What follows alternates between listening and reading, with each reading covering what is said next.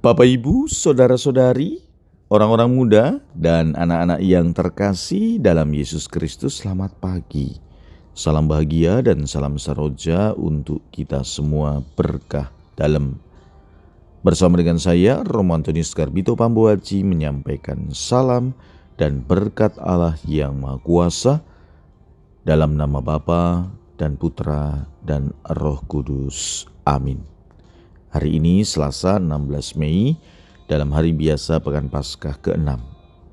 Bacaan pertama dalam liturgi hari ini diambil dari kisah para rasul bab 16 ayat 22 sampai dengan 34. Bacaan Injil diambil dari Injil Yohanes bab 16 ayat 5 sampai dengan 11. Dalam amanat perpisahannya, Yesus berkata kepada murid-muridnya, "Sekarang aku pergi kepada Dia yang telah mengutus aku." Dan tiada seorang pun di antara kamu yang bertanya kepadaku, "Ke mana engkau pergi?" Tetapi karena aku mengatakan hal itu kepadamu, maka hatimu berduka cita. Namun benar yang kukatakan kepadamu adalah lebih berguna bagi kamu jika aku pergi. Sebab jikalau aku tidak pergi, penghibur itu tidak akan datang kepadamu. Sebaliknya, jikalau aku pergi, aku akan mengutus dia kepadamu.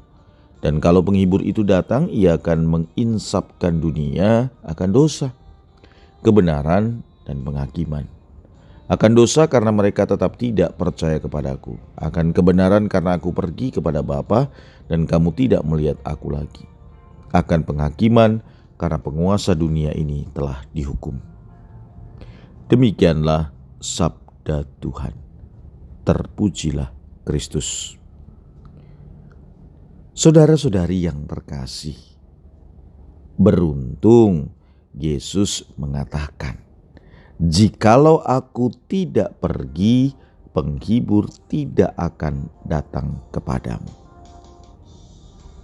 Intinya adalah bahwa Yesus memang tidak mengendaki para murid terus bergantung pada dirinya, tetapi tetap tidak boleh terlepas dari dirinya Semoga Anda memahami itu.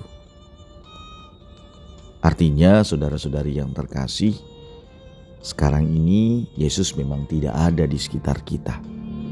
Lalu, apa yang membuat kita tetap dapat berbuat baik dan berjuang untuk menjadi baik dalam kehidupan ini? Karena yang dikatakan oleh Yesus bahwa Roh Allah itu penghibur yang datang itu ada di sekitar kita. Itulah yang mampu menggerakkan kita untuk tetap dekat dengan Tuhan, tetapi tidak tergantung pada Dia.